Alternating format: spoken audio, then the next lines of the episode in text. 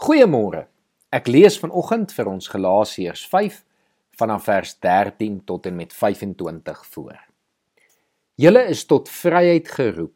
Moet net nie julle vryheid misbruik as 'n verskoning om sonde te doen nie, maar dien mekaar in liefde. Die hele wet word in hierdie een gebod saamgevat. Jy moet jou naaste lief hê soos jouself. Maar Julle byt en verskeer mekaar. Pas op dat julle mekaar nie later heeltemal verslind nie.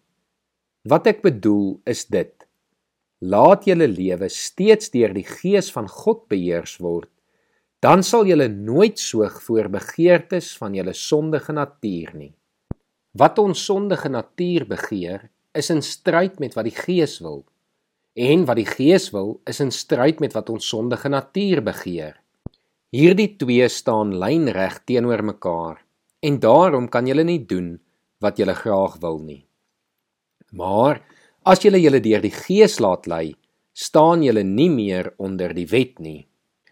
Die praktyke van die sondige natuur is algemeen bekend: onsedelikheid, onreinheid, losbandigheid, afgodsdiens, towery, vyandskap, haat, naaiwer, woede, risies, verdeeldheid, skeuring, afguns, dronkenskap, uitspattigheid en al dergelike dinge.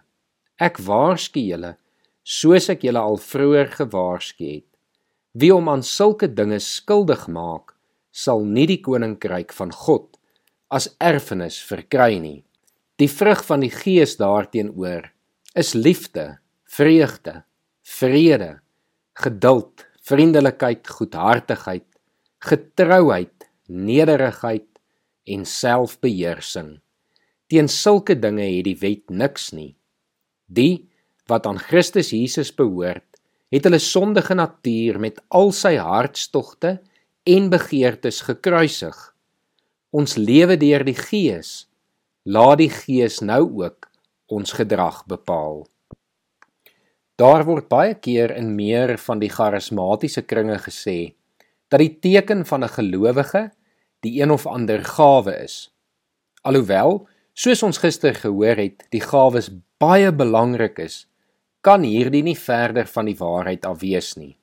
Die woord leer ons baie duidelik in onder andere Johannes 15 dat gelowiges geken sal word aan die vrug wat ons dra.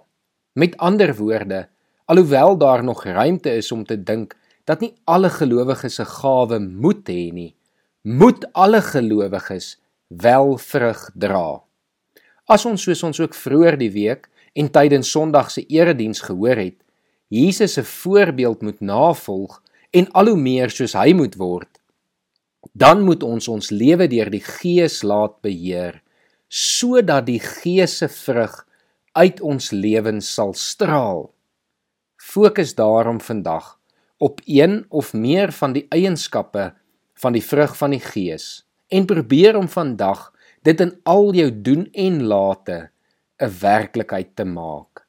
Bid en vra die Heilige Gees om jou te help om vandag vriendelik of geduldig te wees en oefen dit dan onder sy leiding in.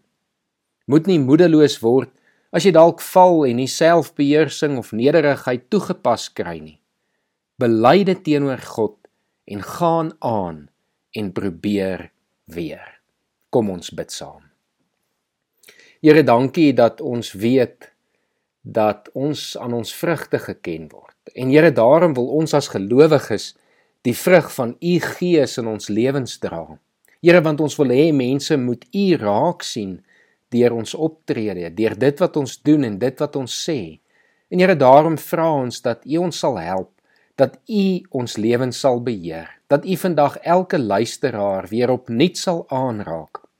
Here, dat ons ons lewens in totaliteit aan U sal oorgee en dat U ons sal lei. Ons bid dit in Jesus se naam. Amen.